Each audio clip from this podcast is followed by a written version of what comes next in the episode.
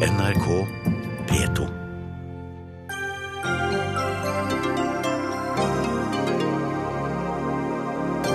Fornøyd eggbonde hyller Sylvi Listhaug, mens 3000 bønder i byen roper slagord mot landbruksministeren. Dødstallene stiger og ødeleggelsene er enorme pga. flommen som rammer Balkan. Programleder Leo Alkic ber oss hjelpe de rammede. Audun Lysbakken vil forby profitt på helse og velferd. Hvorfor ikke forby profitt på alt, spør Nettavisens Gunnar Stavrum.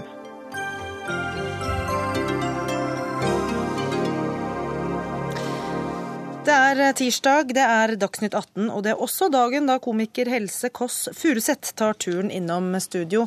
Jeg heter Gry Blekastad Almås. Vi vil ha mangfold og takker nei. Vi vil ha mangfold og takker nei. Takk for invitasjonen. Jeg har sett fram til å møte dere. Ja, Slik lød det da bøndene kom til byen i dag. 3000 bønder uttrykte altså sin misnøye med landbruksministerens forslag i årets jordbruksoppgjør ved hjelp av traktorer, kubjeller, som vi hørte, og protestrop. Men du var ikke der, eh, Ivar Andreas Skjetnemark. Du er eggbonde og med oss fra Trondheim. Hvorfor var du ikke der? Nei, for det at uh, Sylvi Listhaug og staten har gitt et kjempegodt tilbud til norsk landbruk, og de har gitt et spesielt godt tilbud til distriktsjordbruket. Hva er det som er så bra med Listhaugs uh, landbruk? Uh, hvis du ser på de reelle tallene, så har både melk, sau og geiteproduksjon fått en sterkere inntektsvekst fra 2013 til 2014 enn fra 2012 til 2013. Ergo så gjør de en bedre jobb enn den rød-grønne regjeringa. Og så hørte jeg ikke at du nevnte egg, som er eh, det du driver med. Hvordan eh, vil din eh, gårdsdrift, da, eggedriften, påvirkes hvis Listhaug får flertall for sitt opplegg? Eggproduksjon isolert sett vil ha samme økonomi i 2014 som i 2013. Så du mener altså at det ikke er noen grunn til å protestere mot dette? Ingen grunn til å protestere. Eh, Listhaug fortjener, og den blå-blå regjeringa fortjener veldig skryt av den jobben de har gjort. Eh, der er ikke du helt enig, Therese Rudi. Du er odelsjente fra Gudbrandsdalen eh, og fremtidig småbruker, og blant de som møtte opp foran Stortinget i dag. Hva er det du er misfornøyd med? Eh, jeg var i Oslo i dag for å protestere mot det jeg mener et elendig jordbruksoppgjør. Eh, det kommer til å rasere distriktsjordbruket i Gudbrandsdalen i hvert fall. Vi tåler ikke mange slike oppgjør framover. Eh, og jeg er veldig bekymra for framtida mi som odelsjente hvis denne politikken her skal bli gjeldende framover. Fordi at jeg ønsker å ha kolleger eh, ved sida av meg, jeg ønsker å ha naboer, jeg ønsker å ha levende bygdesamfunn. Og da trenger vi flere bønder, og ikke færre. Hva tror du kan bli konsekvensen eh, av for deg da, og din framtid dersom dette forslaget får flertall?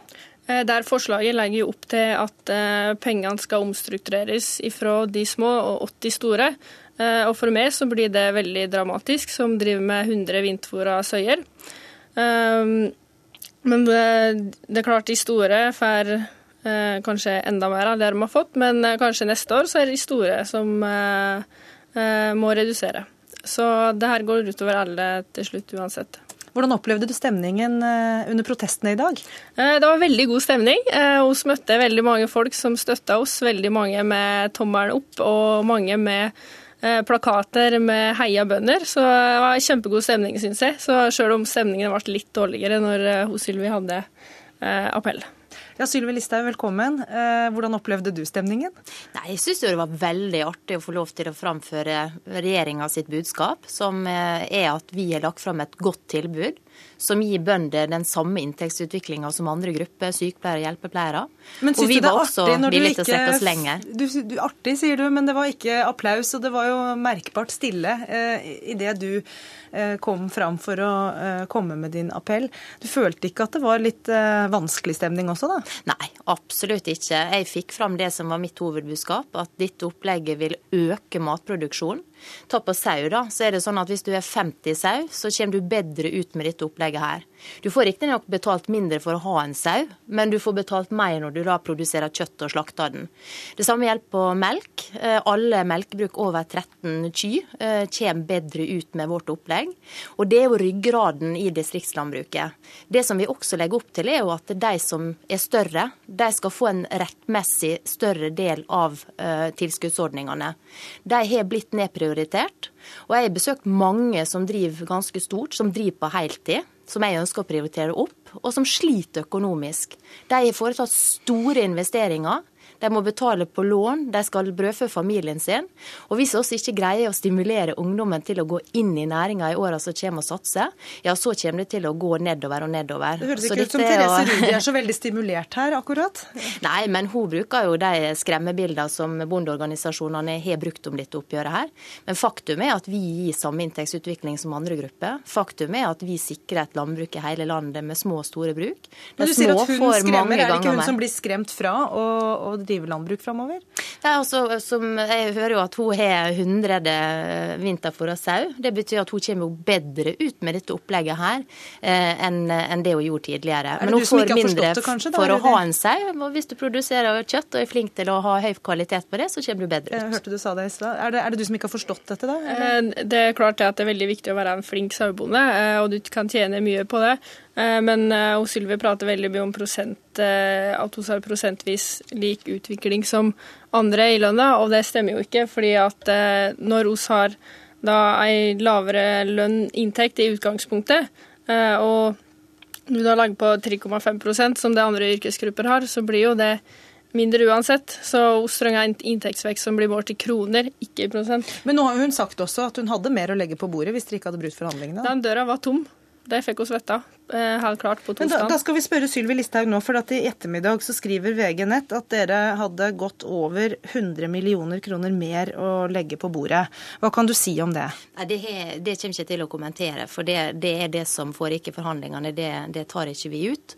Men eh, det er helt riktig men, men at vi hadde mer. Du har sagt at du hadde mer. Hvorfor ja. kan du ikke si hvor mye mer? Nei, fordi det skal være i forhandlingsrommet. Men så vil jeg bare kommentere litt. for det, det altså Hvis du tar inntektene da, til et uh, gårdsbruk med 24 kyr, så er det sånn at de tjener 670 000 kroner. Ja, de jobber mye, men det er jo ingen selvstendig næringsdrivende som jobber lite. Det gjør jo alle sammen.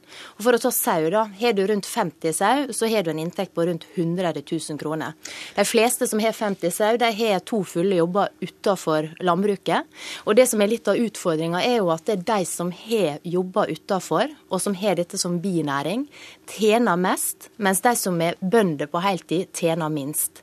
Og når da ungdommen skal velge hva de skal gjøre i framtida, skal vi reise på Nordsjøen og tjene godt og ha mye fri, eller skal vi ta over gårdsbruket hjemme og investere millionvis av kroner, ja, da er det vanskelig å få dem til å gjøre det siste, hvis det faktisk ikke lønner seg. Og det er Men, det dette her dreier seg om, landbrukets framtid. Eh, Skjetnemark, du er altså ikke så skremt fra dette som andre, snarere tvert imot. Men ser du at det er forskjell på de som driver stort og de som driver eh, småbruk her? Eh, landbruksministeren har et kjempegodt poeng i at vi må satse på heltidsbruk. Eh, de siste åtte åra med rød-grønn regjering så har vi brukt 120 milliarder på landbruket. Og det har medført at vi har eh, kun 10% heltidsbønder. 90 av bøndene må ha jobb utenom i tillegg. Så det landbruksministeren peker på er helt avgjørende for framtida til norsk landbruk. Men er det ikke det fordi de tjener for dårlig med, i bondeyrket, da?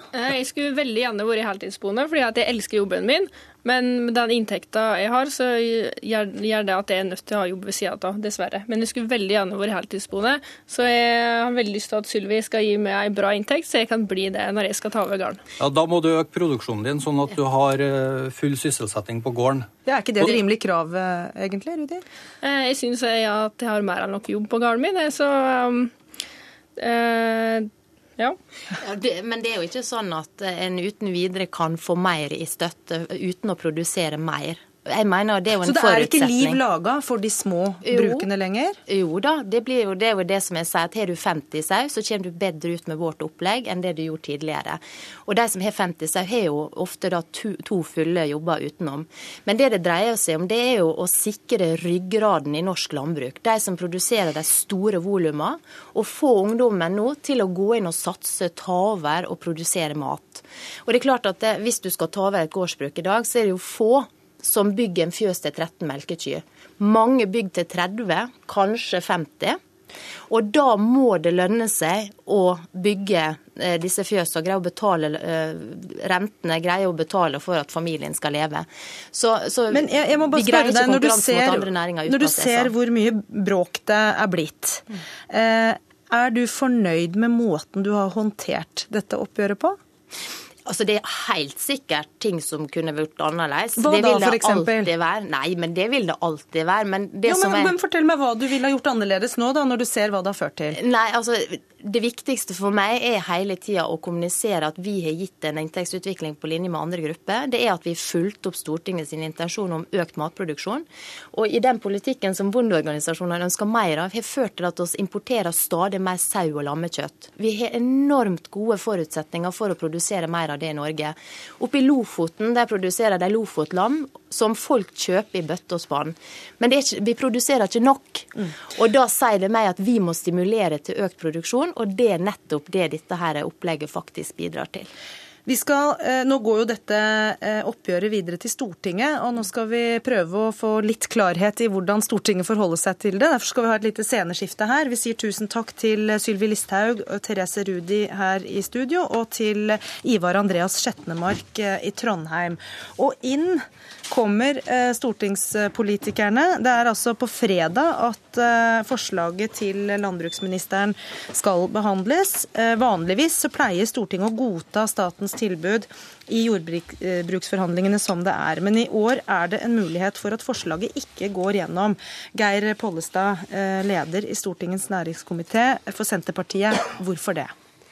Når, vi, når vi får tilbudet, så er det opp til Stortinget hvordan vi ønsker å behandle den saken, eh, og hvilke vedtak vi ønsker å gjøre. Men utgangspunktet for behandlingen er jo eh, regjeringa sitt eh, tilbud.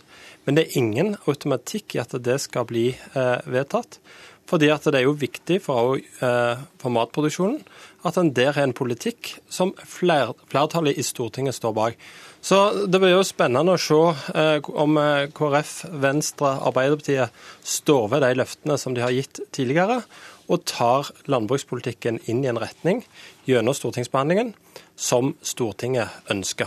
For Situasjonen på Stortinget nå er jo at regjeringen ikke har flertall uten at Venstre eller Kristelig Folkeparti stemmer med dem. Og Line Henriette Hjelmdal eh, sitter i næringskomiteen også for Kristelig Folkeparti. Her sitter dere med nøkkelen. Hva vil dere gjøre?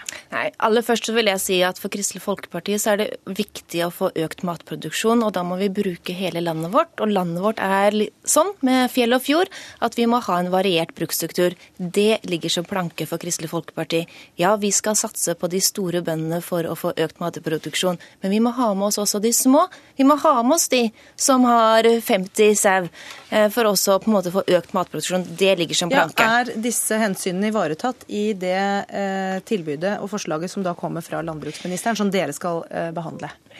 Det var jo litt det som var utgangspunktet her, at når vi da ba bøndene og staten sette seg ned til forhandlingsbordet, så ligger det litt at tilbudet var ikke eh, helt godt på dette området.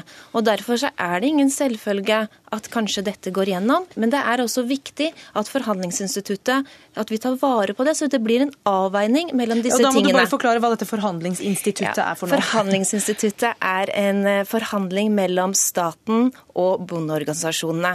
Det er jo der man bestemmer lønnsutviklingen. Staten, SSB har sagt at man skal ha en lønnsgjennomsnitt på 3,5% dette året vi nå går inn i. Det er det man skal forhandle om. I tillegg så har da regjeringen lagt fram en del strukturendringer i dette tilbudet. Og det er det som er det krevende.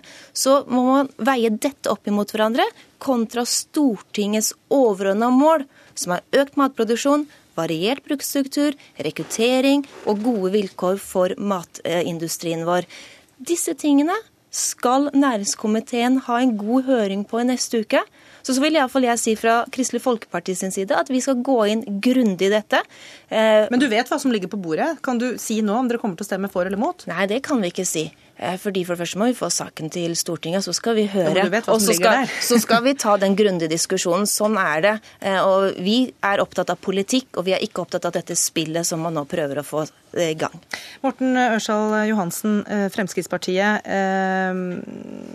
Nå har du hørt Kristelig Folkeparti her. Hva tror du? Jeg tror at vi kommer til en enighet til slutt. Ja. og det, er, eh, det, vil være en stor fordel for eh, det norske landbruket. Men hva for, for kommer vi til være, enighet om, er vel det store spørsmålet nei, altså, her? Forhandlinger tror jeg til, og, og, de diskusjonene tror jeg vi tar i, i komiteen også, og ikke i media. og Så får vi se hva, hva, resultatet blir.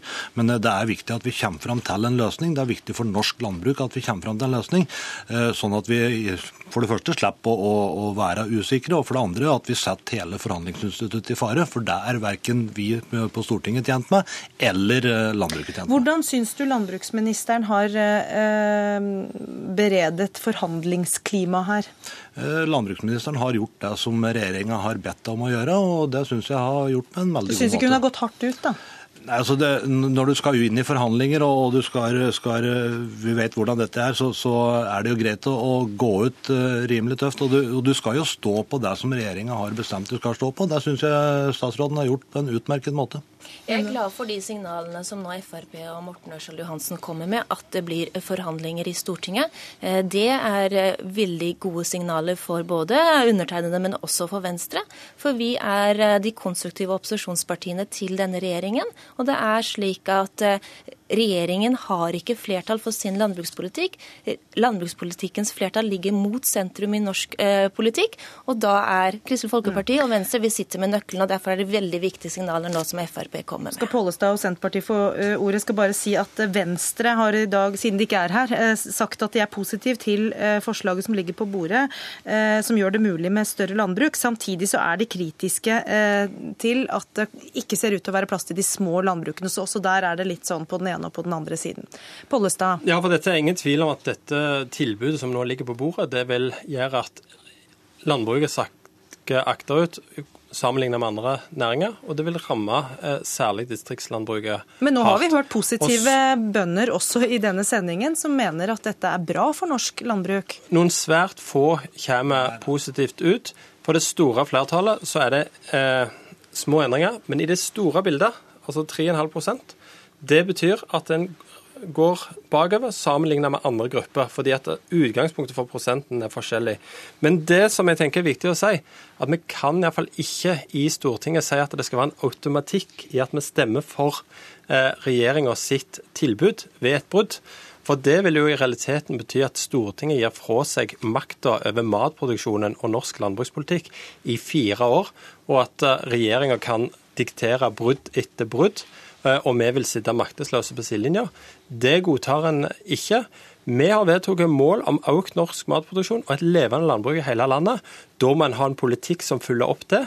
Og det håper jeg at KrF, Venstre, Senterpartiet, Arbeiderpartiet og SV kan ta ansvar for i fellesskap.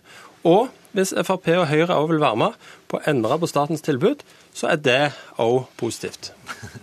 Nei, jeg blir litt, uh, Unnskyld at jeg flirer, men jeg blir, jeg blir, litt forundret. For utgangspunktet her er, er et, et, tilbud som staten har kommet med. Og uh, Da kan en diskutere hvor godt og, og, dårlig det er. Vi mener at det er et veldig godt tilbud. Og dette er vare på distriktslandbruket. Dette er vare på de små. Jo, men de Det har vi hørt de, at det er uenighet om, og nå må er, man jo bli jo, men, enige, må man ikke det? Uenighet, altså. De, får, de små får vesentlig mye mer per uh, dyr enn det de, jo, vi, de store får. Så, så det, det, er ikke å diskutere. Hva, hva skal man gjøre nå for å komme til enighet? Jeg hører at det er stor uenighet om de faktiske tingene. Nå, nå, kommer forslaget, det kommer en proposisjon til Stortinget, så får vi se hva som står i den. Det er jo det første. Og så må vi da begynne å samtale og, og, og ta dette gjennom komiteen og se om det går an å komme til en enighet. At det skal være en automatikk i at Stortinget vedtar uh, statens tilbud etter et brudd, det tror ikke jeg det skal være. Og det vil det aldri være. For det vil være normalt normalt at det da er Stortinget som avgjør, for det er faktisk Stortinget som sitter med makta i denne saken og i alle andre saker. Så da får vi se om vi klarer å komme fram til enighet. Jeg tror vi skal klare det, men da må vi òg være konstruktive. Ja, Det var veldig positive signaler fra Fremskrittspartiet nå, at de ikke vil stå hardt på at statens eh, tilbud skal legges til grunn. For det er behov for å gjøre betydelige forbedringer på det som er eh, sitt, nei, sitt forslag i stortingsbehandlingen. Samtidig så mener jeg også at det er viktig at vi peker ut en kurs for hvordan vi skal øke norsk matproduksjon, og hva, hva som skal være retningen på framtidige jordbruksoppgjør, sånn at vi slipper den situasjonen vi har hatt denne våren, i fire nye år. Jeg tror vi trenger mer stabilitet for å øke norsk matproduksjon, og en stabilitet som går i samme retning som det politiske flertallet på Stortinget ønsker. Så jeg eh, syns det er bra, men jeg vil utfordre Ørsal Johansen på om han antyder at det kan komme noe annet i, i statens tilbud enn det som uh, som eh, Listhaug har lagt fram tidligere, når du sier at vi får vente til fredag og se hva som kommer? Får vi få svaret på det før vi slipper Kristelig Folkeparti til igjen? Ja, sier, men det er, jo, det er, jo, helt normalt. Vi må jo vente til proposisjonen kommer for å se hva som står inn. Eh, jeg vet ikke om det blir noen endringer i den, jeg tviler sterkt på det. Men, men at jeg gir noen signaler om at eh, det er mye som må endres, det, det, er, det gjør jeg absolutt ikke. Det er ikke mye som må endres i statens forslag, om, om det er noe som må endres i det. Og statens forslag gir en god, god framtid for norske bønder, og det gir helt klart klart en økt produksjon av norsk mat. De forhandlingene nå som Morten Ørsal Johansen tar til orde for, de må vi jo bruke for å finne virkemidlene for å øke matproduksjon, for å klare å ha landbruk i hele landet med en variert bruksstruktur. Det er det overordna, og da er jeg veldig glad for de signalene som både Frp, men som også Senterpartiet da kan støtte opp om. At vi har de overordna målene fra 2012, at de ligger fast. Og da skal vi klare å finne bred enighet om dette. Det er det viktigste for bøndene det er viktig for matindustrien. Men jeg tror også det er veldig viktig for alle de som går med en liten bonde inni magen, ønsker å satse. De må også vite at dette er en framtidsretta næring. De tar Kristelig Folkeparti på alvor. Og da må statens tilbud endres i Stortinget. Men bare helt til slutt, så når vet vi svaret på dette? Når vet vi hva som blir utfallet? 17.6 er debattdatoen som er sett i eh, Stortinget, og så vil jo eh, næringskomiteen avgi sin innstilling eh, i forkant av det. Så da eh, bør vi vite det før sommerferien, hva som er utfallet av dette her. Det kan man på. Det blir spennende. Takk skal dere ha, Morten Ørsal Johansen fra Fremskrittspartiet, Line Henriette Hjemdal fra Kristelig Folkeparti og Geir Pollestad fra Senterpartiet. Hør Dagsnytt 18 når du vil. Radio NRK.no.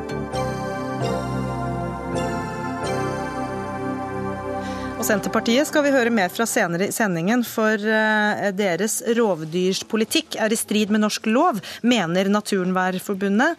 Marit Arnstad svarer, eh, forsvarer økt jakt på rovdyr om noen få strakser her i Dagsnytt 18. Men før det skal vi til Balkan, der minst 47 mennesker er bekreftet omkommet, og ødeleggelsene etter flommen beskrives som enorme. Bare i Bosnia-Hercegovina er en million mennesker berørt av katastrofen. Leo Alkic, eh, du er programleder her i NRK, eh, opprinnelig fra Bosnia. Og i dag har du engasjert deg på sosiale medier for å få folk til å, å stille opp med hjelp. Eh, hvorfor engasjerer dette deg sånn? Det engasjerer meg, for jeg er født der. Men selv om jeg ikke er født der, så hadde jeg sikkert engasjert meg. Var jo, det var jo flom i Filippinene for ikke så lenge siden. Da kjenner jeg folk som er derifra, og da blir man engasjert. Men spesielt dette. Dette er jo hjemlandet mitt. Og Kroatia og Serbia ser jeg på hjemlandet mitt òg. For når jeg vokste opp, så var det eks-Jugoslavia.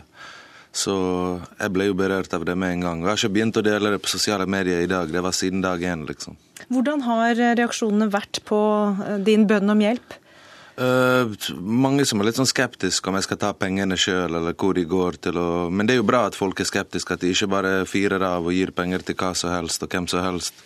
Men, uh, men, det har vært veldig bra, og det er mange som har kontaktet meg som har familiemedlemmer der nede som kanskje sitter fast eller husene er ødelagt, og takker for at ja, jeg sprer budskapen, liksom. Hvordan er inntrykket ditt at Hvordan rammer det? Altså det, det, det, her blir hardt. altså. Det, det, er ikke, det, er ikke, Sarajevo eller hjembyen min som er rammet Mostar. Det her er på landet. Som oftest folk som lever av å dyrke mat og agriculture, hva heter det, landbruk. Og uh, skadene utenom flommen og utenom alle sykdommene og alle folk vannet kan ta livet av, så ser jeg masse problemer fremover òg. Og husene til folk Hvis du kjører gjennom Balkan, og hvis du er der, og hvis du har vært der, til og med på de fine stedene ser du fortsatt hus som ikke er fikset ferdig etter krigen. Folk jobber og tar murstein og murstein om gangen, selv om det er 20 år siden.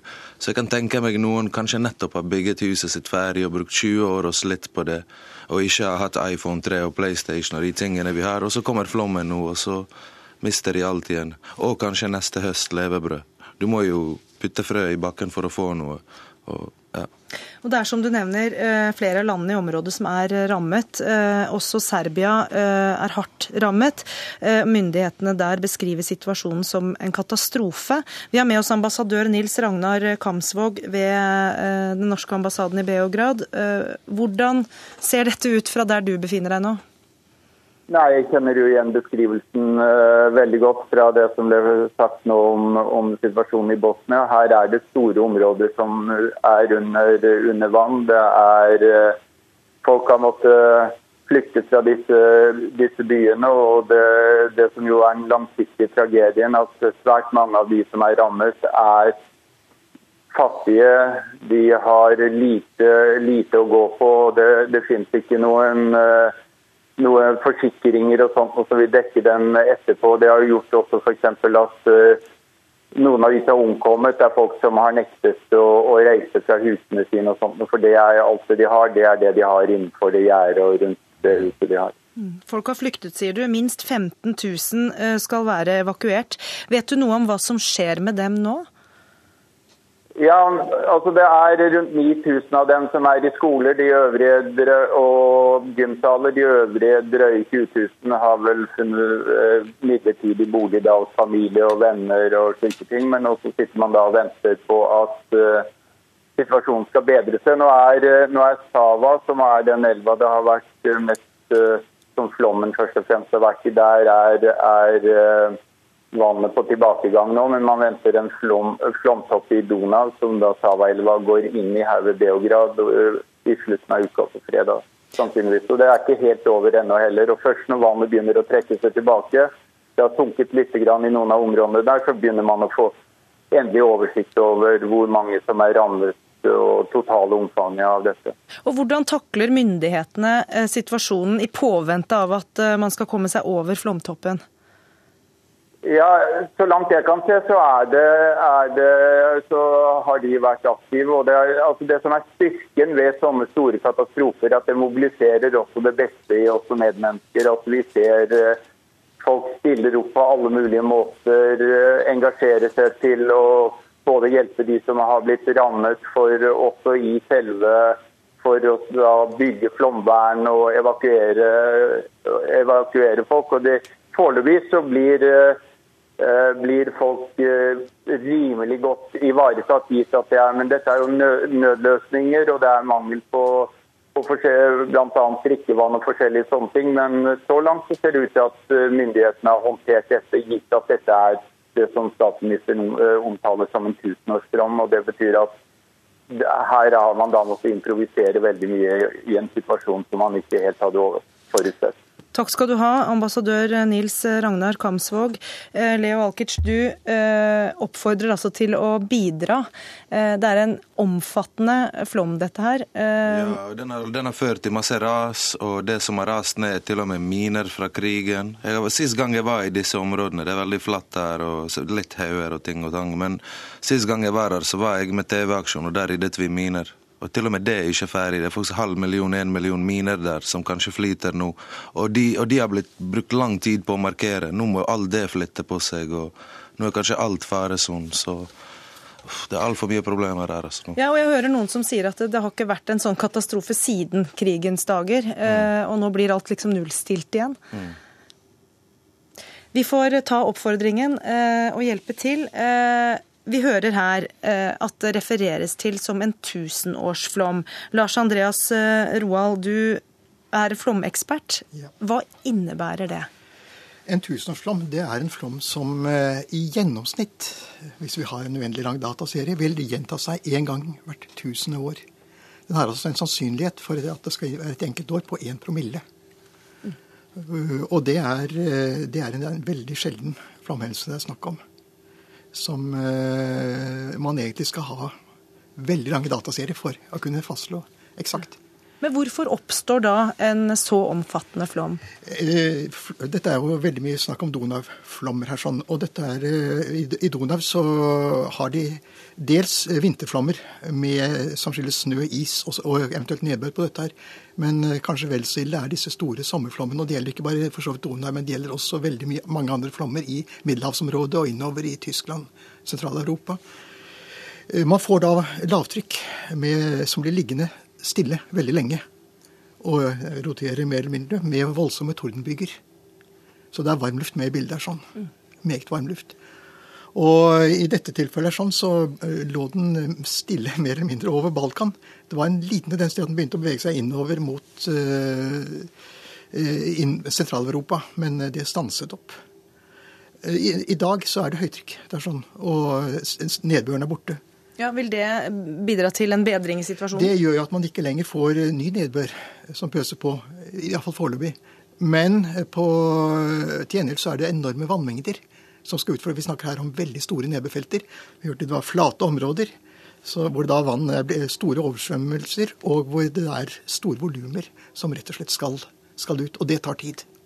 Nå hørte vi at det er ventet at flomtoppen i Donau eh, kommer på fredag. Ja. Hva kan du si mer om utviklingen av situasjonen nå? Eh, det er jo litt usikkert hva som skjer, skjer videre eh, nå framover også. Eh, det er ikke slutt på denne lavtrykksaktiviteten i Middelhavet ennå. Men det skal vel noe til at det vil gå innover Balkan, i alle fall i første omgang. Så, Men hvor lang tid tar det før vannstanden går det, ned? Det tør jeg ikke si. Det er avhengig av e-, egenskaper i disse konkrete elvene. Sånn. Ja. Med hensyn til innsjøer og andre ting. Som alltid demper flammene ganske mye.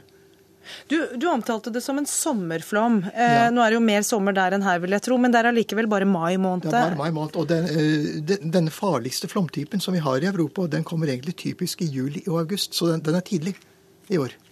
Men, eh, og det kan ha også vært noe snø med i bildet fra høyereliggende områder i Alpene.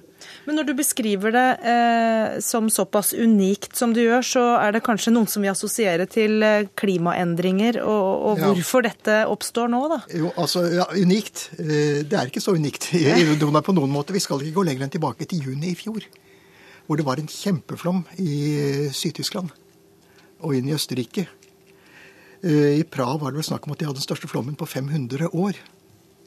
Og dette var jo også da en, for så vidt en tidlig sommerflom, faktisk. Så når man snakker om tusenårsflom, så er det for dette området spesifikt? Det er, ja, det er for, for en, et, et, et, konkret sted i utgangspunktet.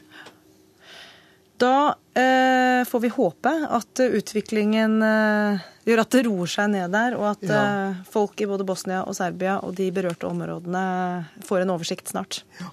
Tusen takk skal dere ha, eh, Lars Andreas Roald og Leo Alkic.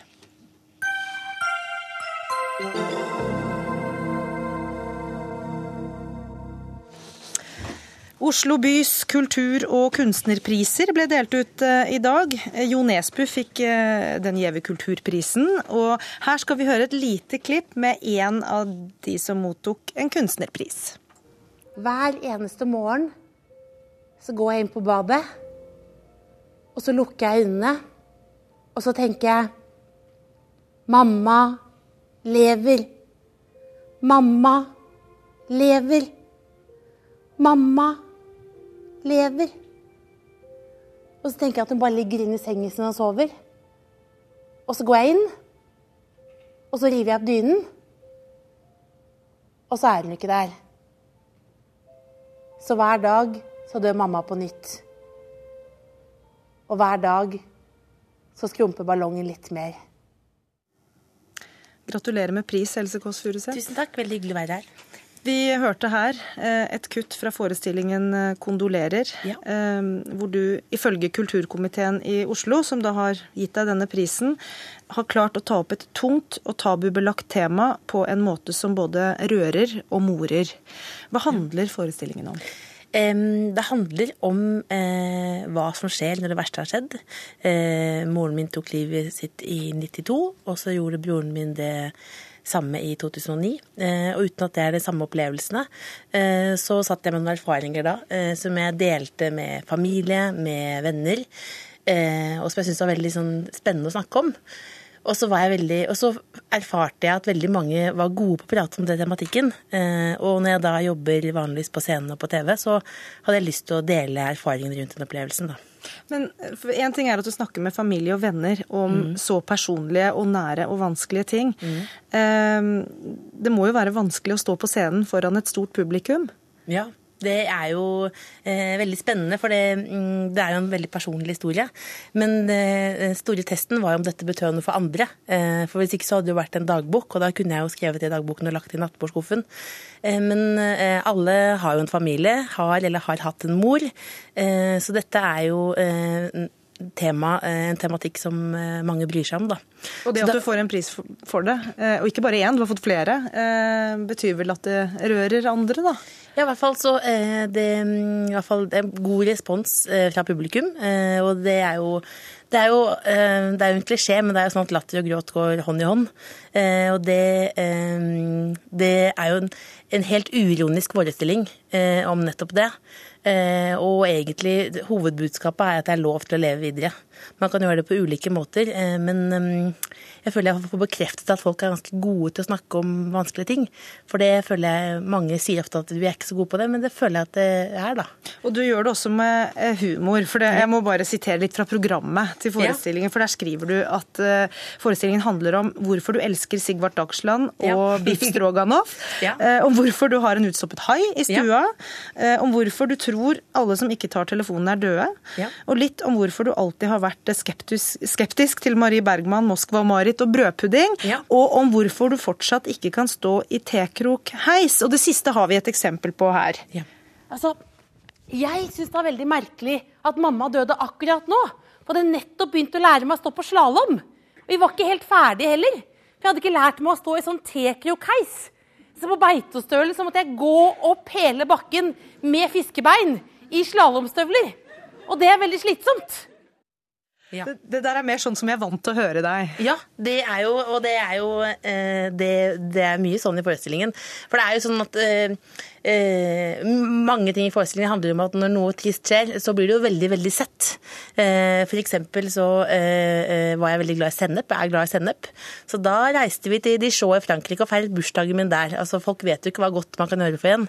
Eh, og moren min eh, var ekstremt glad i Sigvart Dagsland, så da følte jeg at det var veldig rett og rimelig at jeg også ble fan av han.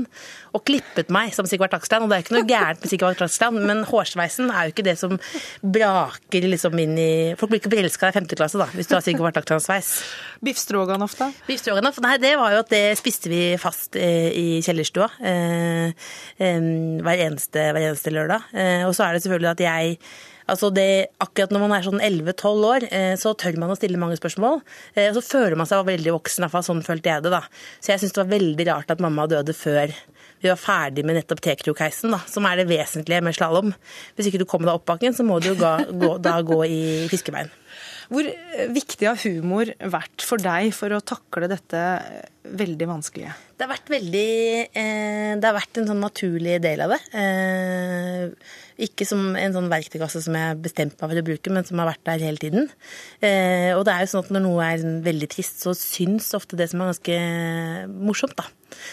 Så det har vært en, ja, en, en naturlig ja, Det er vanskelig å si hvordan man er. Da føles det som man er psykolog. Men det føltes, føltes veldig naturlig, da. Jo, men Hvordan har reaksjonene på det vært? Er det noen som opplever at du liksom flåser bort ting som Nei, det er jo uh, Dette er ikke, sånn, det er ikke noe knausgårdsk prosjekt. Uh, de, som, uh, de som lever i dag i nærmeste familien, har jo da selvfølgelig godkjent prosjektet. Og så var det veldig spennende om folk ville forstå. Men som faren min sa veldig tidlig til meg, at nå, altså, nå er alle med, alle med problemer i familien er død. Eh, så nå har du muligheten til å leve et ganske så uproblematisk liv.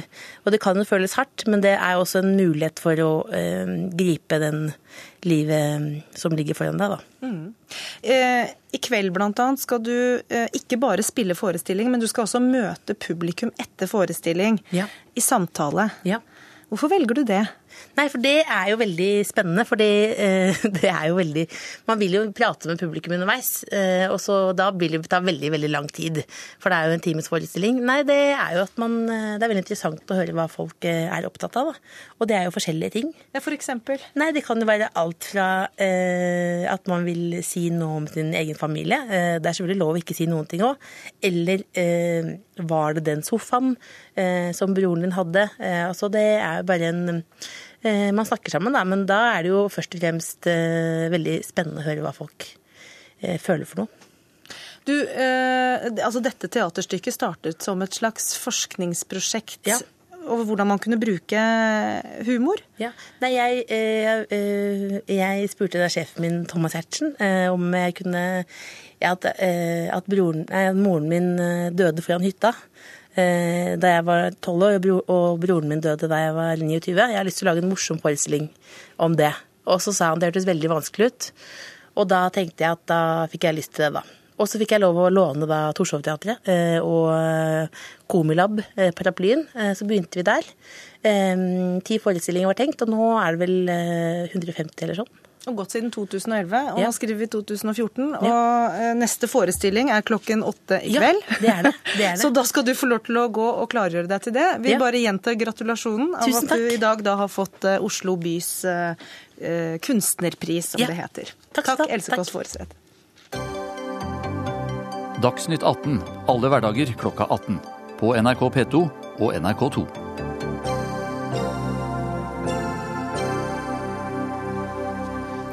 Senterpartiets eh, forslag eh, om eh, endringer i rovdyrspolitikken ble nedstemt i Stortinget for noen timer siden.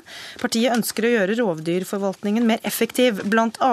ved å åpne for lengre jaktsesonger på flere rovdyr. Men ingen av stortingspartiene stemte for forslaget, og det er du, Arnod Håpnes, fagleder i Naturvernforbundet, glad for. Hvorfor det? Jo, fordi vi har allerede en eh, svært eh, rå og ekstrem rovdyrpolitikk i Norge, der vi skyter veldig mye rovdyr. Senest de siste ukene så har det blitt skutt over 50 rovdyr i Norge, fordi at de kanskje kan gjøre skade til sommeren. Og da blir det jo ganske ekstremt at Senterpartiet vil forverre den politikken enda mer. Og Det er i, i, i strid med folkemeninga. Det er et bredt flertall av folket som ønsker mer rovdyr i norsk natur.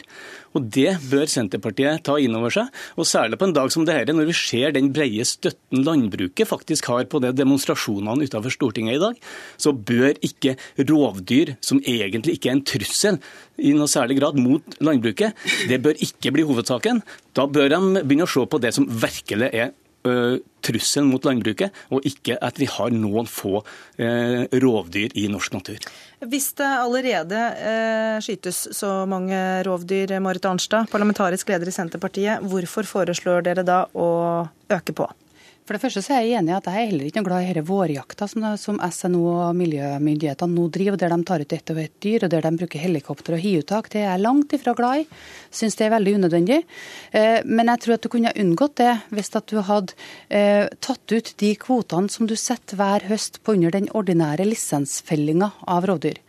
I vinter tok du ut bare 30% av den kvoten du satt på bjørn, og du tok ut 30% av den kvoten du satt på jerv. Men hvorfor er det så viktig å ta ut alle disse jo, dyrene? Det er fordi at i rovviltforliket, i, i punkt 2210 og 2212, så står det at lisensfelling, altså lisensjakt, er hovedvirkemidlet for å regulere bestanden av jerv og bjørn.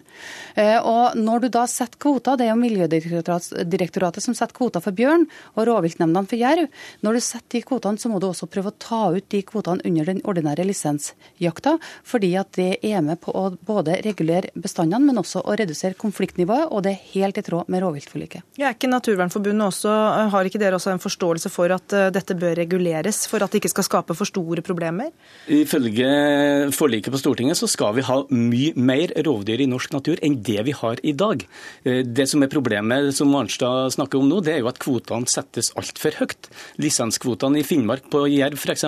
ble i 2013 satt til 60 dyr, mens vi bare har 54 dyr registrert i naturen. og Da, blir, da er ikke kvotene et måltall. og Derfor så kan vi heller ikke forvente at de skal fylles, fordi at det er ikke nok dyr ute i naturen. Da må kvotene settes eh, nøytralt og på et eh, viltfaglig grunnlag, og ikke ut ifra et eh, ønske om å, skyte ned bestandene altfor hardt. Altså, I rovviltforliket så jo, sa jo også Stortinget noen ting om bestandsmål for de ulike rovdyrene. Eh, og På noen av rovdyrene er vi under, og på noen er vi over. Jerv er jo et eksempel der vi er langt over bestandsmålet eh, på, på, så langt i år, og også tidligere år. Sånn at, at Det har Stortinget også hatt mening om rovviltforliket, og det vil Senterpartiet forholde seg til. Men problemet er jo eh, at, eh, at eh, selv, altså det er mulig at altså, Naturvernforbundet vil mene at Miljødirektoratet setter kvoten for høyt på bjørn. De setter en kvote på 18 bjørn i fjor høst. Men, hit, men det du har tatt ut i vinter, det er da fem bjørn. Det er det eneste du har tatt ut. Fem av 18. Og Miljødirektoratet skriver jo i et brev til, i, i fjor høst at eh, det vil ikke tro bestandens overlevelse om du har tatt ut 14 bjørn. Men det er langt ifra de femmene du har tatt ut, og til, det, til 14 bjørn.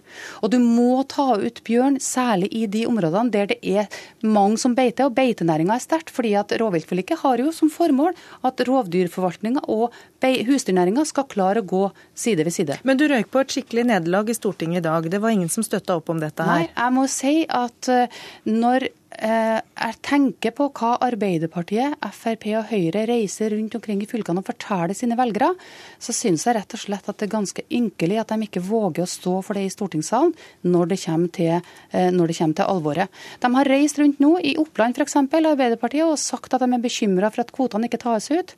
Eh, Nord-Trøndelag Høyre har sagt akkurat det samme, og Frp sier også det. Så tør de altså ikke Stortinget å stå ved det som de sier utover i landet. Det syns jeg er sørgelig. Hvorfor tør de ikke det? Vet ikke. Jeg tror at litt av det har, De har nok litt lyst til å isolere Senterpartiet i saken her. Selv om, selv om de også i debatten i dag erkjente med SV erkjent at Senterpartiet hadde noen kvalifiserte poeng, så ønsker de å isolere Senterpartiet i debatten her. Det er en eh, måte å prøve å nøytralisere oss på. Og det er noe dere eh, bidrar til også i Naturvernforbundet, eller? Nei, altså Vi ser det jo på at eh, når Senterpartiet går på et så solid nederlag, så, så er jo det et signal om at deres ekstreme politikk ikke er ønska av resten av partiene. Men er det men, ekstremt å ville oppfylle kvotene? Nei, men det er ikke det, det, det, det, er ikke det som Det er ikke det å oppfylle kvotene som er målsettinga når det er for lite, når det ikke blir skutt dyr på av annet vilt i Norge fordi, i forhold til kvotene, så er det fordi at eh, da senkes kvotene fordi at det er ikke nok dyr ute der. På rovdyr så er det motsatt. Da ønsker en å skyte enda flere. Og Det er heller ikke riktig, sånn som Arnstad sier, at vi ligger langt over bestandsmålet på jerv. I fjor så lå vi akkurat på bestandsmålet. I år så er det registrert 46 ynglinger. Allerede så er 13 av de ynglingene skutt ut. Da grev miljøforvaltninga tispa med nyfødte valper ut av hiet og avlive dem der og da. Og nå ligger vi altså langt under Stortingets bestandsmål på jerv. Vi ligger under på gaupemålet. Vi ligger langt under på bjørn. Uh, ulv ligger vi akkurat på målet. Og Nå må vi begynne å se på uh, at vi faktisk skal sikre det her dyra i norsk natur. Det er noen av de mest trua artene vi har, og de skal sikres i norsk natur. Det står i norske lover. Naturmangfoldloven slår fast at vi skal sikre den typen arter. Ja, og Hvordan ønsker Senterpartiet å gjøre det? Sikre at vi faktisk har disse artene? For det første så vil vi jo føre debatten uten å bruke den type uttrykk som Naturvernforbundet her bruker. Altså, Vi vil aldri si om våre meningsmotstandere at det er ekstremt fordi om de har en litt annen mening enn det vi sjøl har.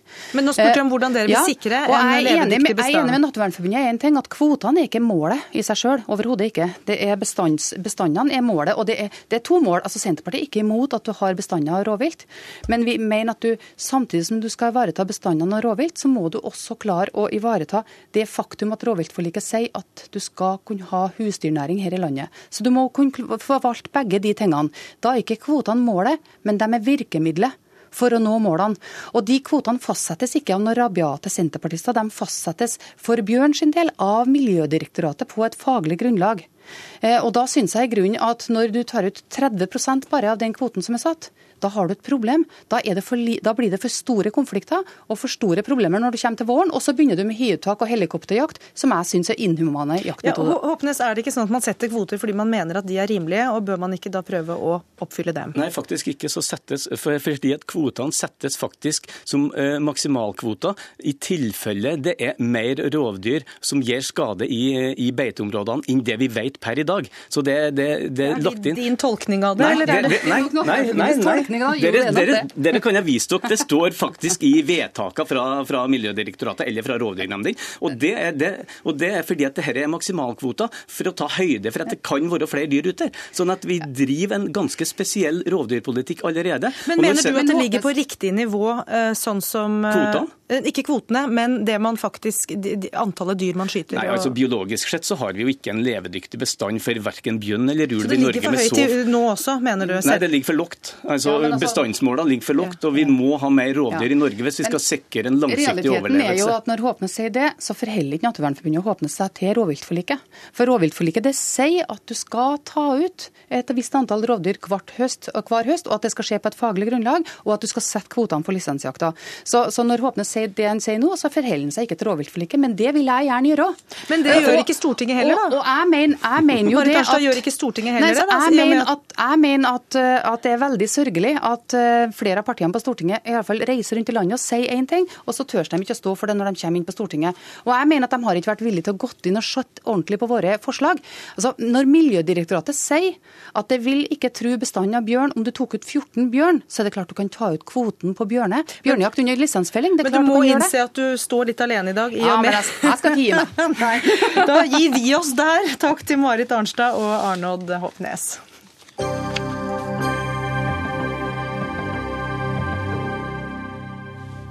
Nettavisen-redaktør Gunnar Stavrum går til angrep på SV-leder Audun Lysbakken. For etter at Lysbakken sa at det bør være ulovlig å tjene penger på helse og velferd, har du latt deg provosere, Gunnar Stavrum. Eh, Hva er galt med Audun Lysbakkens uttalelse? Jeg syns at eh, Audun Lysbakken har, har hatt et tilbakefall til gamle tider og tanken på den gangen var en revolusjonær marxist. Eh, når han er redd for at eh, folk skal tjene penger, som om det å tjene penger i seg selv gjør at folk gjør en dårlig jobb. På velferd og helse, sier han. Ja, eh, og Det er jo det samme på velferd og helse som på alle andre ting. Masse ting vi har rundt oss er produsert av folk som tjener penger. De har kundeorientering, og det er motivasjon for å gjøre en god jobb. Etter mitt syn så er det sånn at det er nok av eksempler på dårlige eh, tjenester i offentlig sektor. Det er det også i privat sektor. Eh, Men det viktige er hvordan vi organiserer det, ikke om de som driver det tjener penger eller ikke. Eh, Audun Lysbakken, leder av SV. Hvor mener du skillet går på hva man kan og ikke kan tjene penger på? Det vi snakker om er grunnleggende velferdstjenester. Sykehus, skole, barnehager. eh, De viktige eh, tjenestene som eh, skal sørge for omsorg, undervisning og gode liv for norske borgere. Hvorfor er det galt å tjene penger på det dersom tilbudet er bra som tilbys? To grunner for at vi eh, foreslår dette. Eh, det ene er at vi nå begynner å få en del erfaringer med privatisering og konkurranseutsetting i Norge. Og vi ser at det skaper et annet arbeidsliv. Eh, jeg har hatt noen veldig sterke møter med ansatte i ulike yrkesgrupper. Folk som jobber i barnehager, folk som jobber på sykehjem, eh, renholdere i kommunene som opplever konkurranseutsetting, og bl.a. Blir utsatt for en voldsom pensjonsdumping.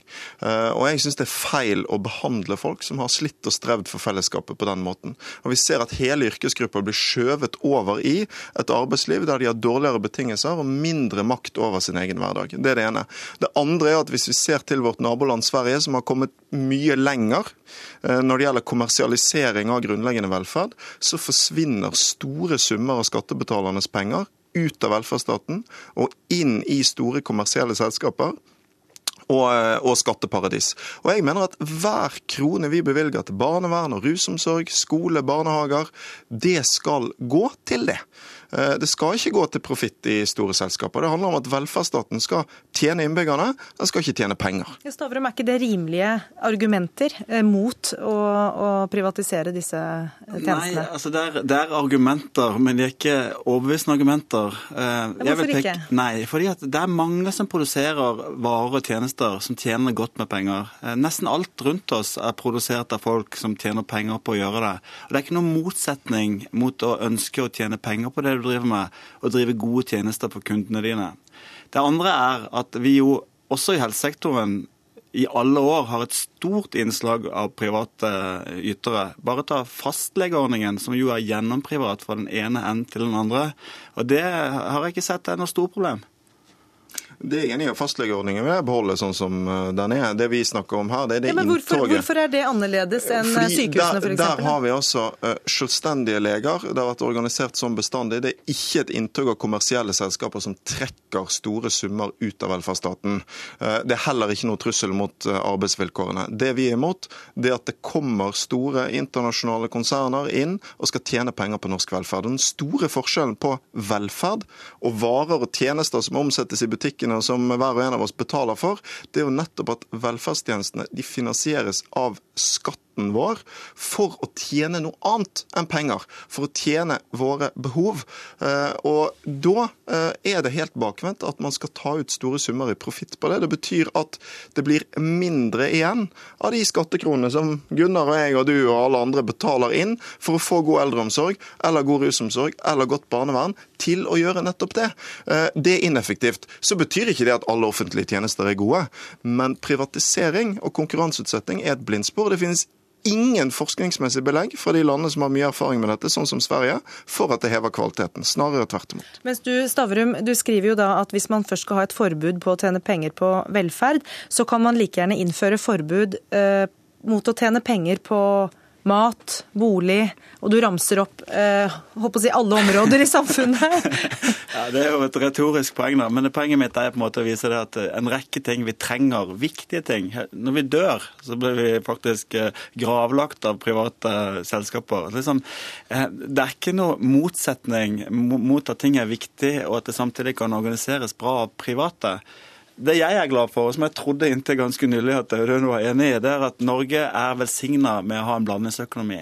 Vi har en bra velferdsstat som har et sosialt sikkerhetsnett for de fleste, eller for så godt som alle.